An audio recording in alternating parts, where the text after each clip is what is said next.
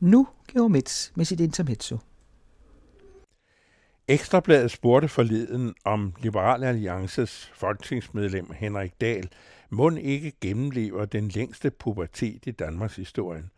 Formodningen skyldes ifølge bladet Dals ustoppelige tilbøjelighed til at slå på trommen og mene for at mene. Denne gang mente Dahl, at den yderste venstrefløj er antisemitisk og som sådan burde tilslutte sig British Labours forhanværende formand Jeremy Corbyn.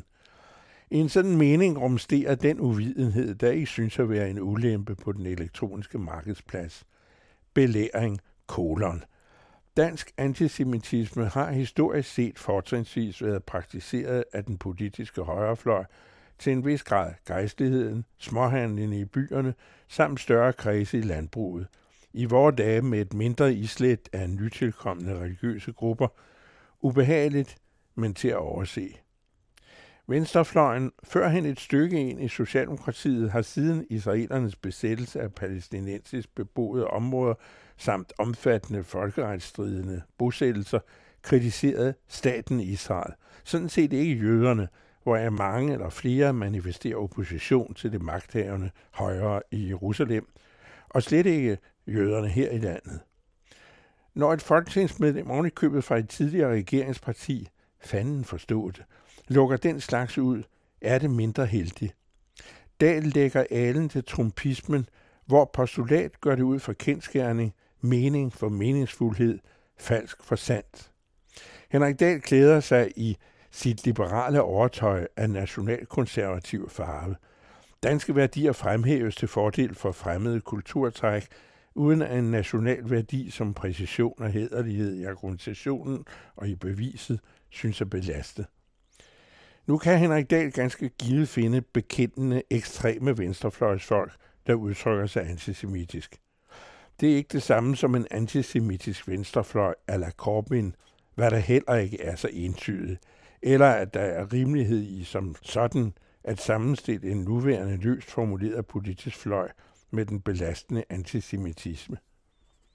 Historisk er det rigtigt, at ankomsten omkring 1900 af jødiske flygtninge, forresten med et stort bidrag af østeuropæisk venstrefløj, blev mødt med modstand fra fraktioner i det daværende venstrefløj af arbejderbevægelsen.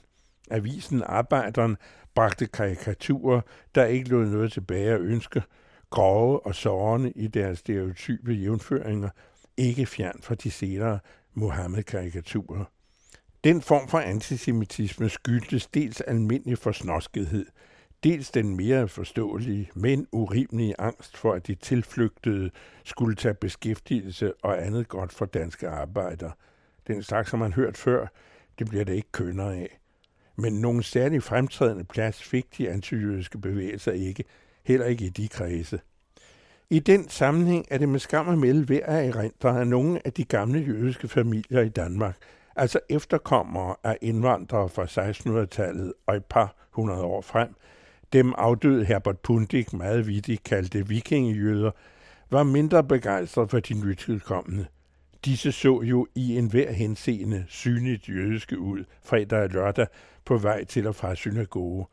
Hvis de da ikke, og endnu værre, var gudløse revolutionære, og ved denne blotte tanke dengang kunne skræmme livet halvt af også denne kommentators bekymrede familie. For at understrege deres afstandtagen fra de sortklædte adler borgergadejøder, blev sådanne vikingejøder demonstrativt meget mere dansk nationale i ord og gerning, lidt ligesom Nasser Carter og minister Tesfaye i vore dage, og finansierede statuen af Christian 4 foran Nyborg, i hvert fald et par af bogstaverne på soklen. Også denne noget aparte antisemitisme forblev på det jævne i det danske forholdsvis fredelige samfund, hvor fremsynede folk så småt var begyndt at drøfte en mere bestandig sammenhængskraft i en virkelig gjort velfærdsstat, utvivlsomt til Henrik Dahls ubehag med tilbagevirkende kraft. At antisemitisme i den forstand kunne opstå også blandt jøder, beretter bøger om den sociale dimension i den slags fobier, den som vi oplever rotte sig sammen mod andre befolkningsgrupper, og som Støjbær nu varsler uden filter.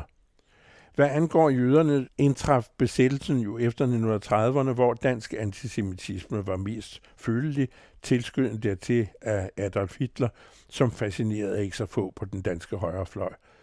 På det tidspunkt var Georg Brandes allerede historie, men han, især den største åndsborgerlige dansk historie, mærkede antisemitismens kolde pust fra højrefløjen, præsteskabet og dumheden – Herimod stod, hvad man senere har kaldt kulturradikalisme og venstrefløj, hvis fortalere søgte at føre debat på oplyst grundlag. Det kan selv den mest ekstreme pubertet lære noget af. Besættelsen og oktober 43 pletrensede det danske samfund for uviljen mod jøder. Senere forstod nok ikke mod det Israel, der som militær stormagt og besættelsesmagt krænker folkeretten. I øvrigt er det skændigt, at Danmark ikke henter børnene hjem fra flygtningelejrene.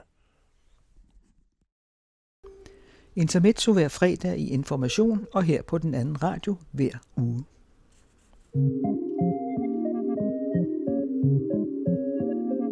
Den anden radio. I dybden, i bredden, i højden. Public Service Radio om kultur og samfund.